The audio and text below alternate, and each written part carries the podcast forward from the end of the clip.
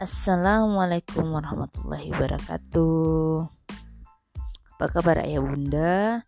Semoga masih tetap sehat dan dikaruniai kedamaian, ketenangan, dan ketentraman dalam mendidik anak-anak kita. Oke, kali ini Mande akan sharingkan sebuah tulisan dari seorang psikolog bernama Ustadz Adriano Rosvi yaitu kita akan berbicara tentang kunci pendidikan anak.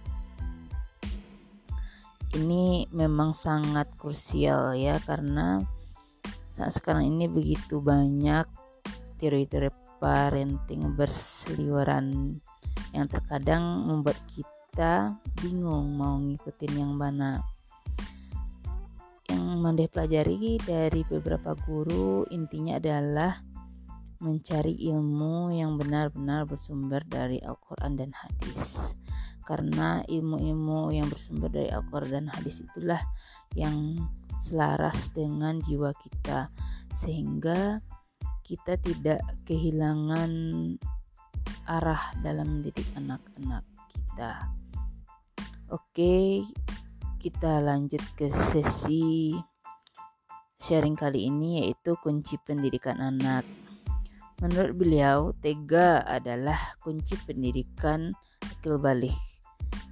Salah satu penyebab kenapa generasi saat ini lambat mengalami kedewasaan mentalnya adalah karena tidak tega mendidik anak di kehidupan. Benar nggak ya ayah bunda? Kita lebih banyak parnonya daripada banyak beraninya. Wajar itu karena kita ibu yang seharusnya tiga itu sebenarnya ayahnya. Hidup semakin lama semakin keras, tapi pendidikan semakin lama justru semakin lembek. Banyak orang tua beranggapan bahwa zaman telah berubah.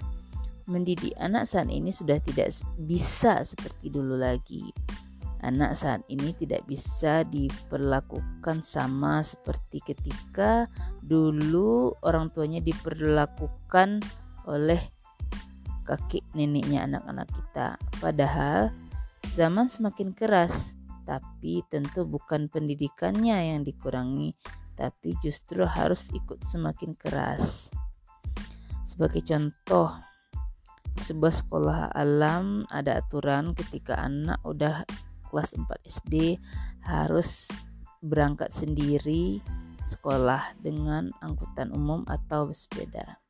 Kira-kira kalau ayah bunda yang menjadi orang tua di sekolah alam tersebut akankah berani untuk melepas anaknya pergi sekolah sendiri? Atau mungkin anak-anaknya pergi sendiri dengan angkot, tapi ayah bundanya ngekor di belakang bagaimana seharusnya kita menyikapi hal ini. Terkadang memang kita akui kita sedikit parno ya nanti jangan-jangan apa, jangan-jangan ini. Sehingga kita lupa kepada Allah sang penjaga anak-anak kita. Lebih percaya kepada diri sendiri dalam menjaga anak atau percaya kepada Allah. Itu kembali kepada diri kita masing-masing. Berhati-hatilah wahai ayah jika tawakal tak lagi ada pada diri kita ketika kita tak lagi mempercayakan nasib anak kita di jalan Allah, kepada Allah maka jangan salahkan jika Allah akan lepas tangan. Jadi rukun tega itu ada dua. Yang pertama cinta, yang kedua tekad untuk menegakkan prinsip. Inilah problematika kita saat ini. Apa penyebabnya? Karena ayah sering kali tidak hadir dalam pendidikan bunda. Mohon maaf karena ayah tidak hadir dalam pendidikan sehingga bunda menjadi kebingungan bukan tugasnya bunda untuk tiga tapi itu tugasnya ayah bunda adalah sang pembasuh luka Bunda yang memulihkan anak akibat tega dari ayahnya. Jika ayah terlalu tega, lalu anak lari ke bunda untuk berlindung, itulah seharusnya tugas bunda. Bunda adalah pembasuh luka, dan ayah adalah sang raja tega. Dan kita juga harus melihat anak dengan dua perspektif dia sebagai anak dan dia sebagai calon orang dewasa.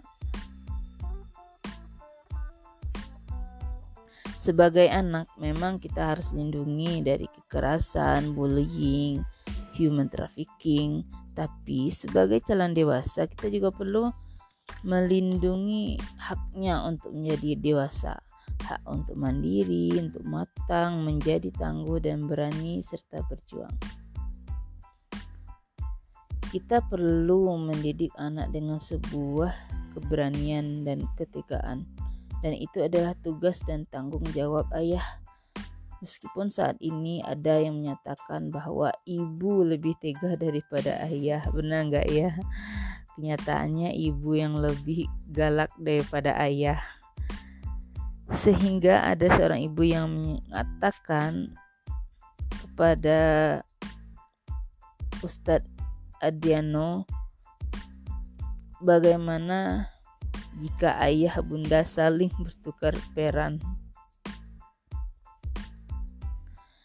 Jadi kita memang butuh tiga karena ada kehidupan di luar sana yang keras. Jika ingin anak dimatangkan dan dewasakan butuh ditempa, butuh kawah chandra di muka anak-anak telah berubah menjadi lemah. Bukannya zaman yang berubah, tapi kita sebagai orang tua yang berubah mendidik anak menjadi semakin lemah. Sebenarnya yang payah bukan anaknya, tapi orang tuanya yang tanpa sadar mendidik anaknya dengan nilai-nilai yang semakin mewah dalam tanda kutip karena orang tuanya sudah mapan. Sekarang saat sudah mapan, pernahkah mengajak anak makan di warteg, makan di pinggir jalan? Memang menjadi kendala pendidikan di rumah jika itu bernama mapan. Ketegaan ayah makin lama makin berkurang disebabkan hidup sudah mapan dan persepsi yang salah terhadap kenyataan kehidupan. Dunia semakin keras, dunia semakin tidak ramah anak, dunia semakin kejam dan menakutkan. Sehingga nyali kita hilang untuk melepas anak ke kehidupan karena persepsi yang buruk terhadap dunia. Membuat kita berburuk sangka, termasuk perspektif negatif dalam konteks keislaman. Dunia semakin jahiliyah, dunia semakin batil, dunia semakin penuh maksiat, membuat nyali kita hilang karena kita selalu berpikir negatif dalam menggambarkan kehidupan saat ini. Itulah sedikit ayah bunda dan sedikit pesan untuk para ayah.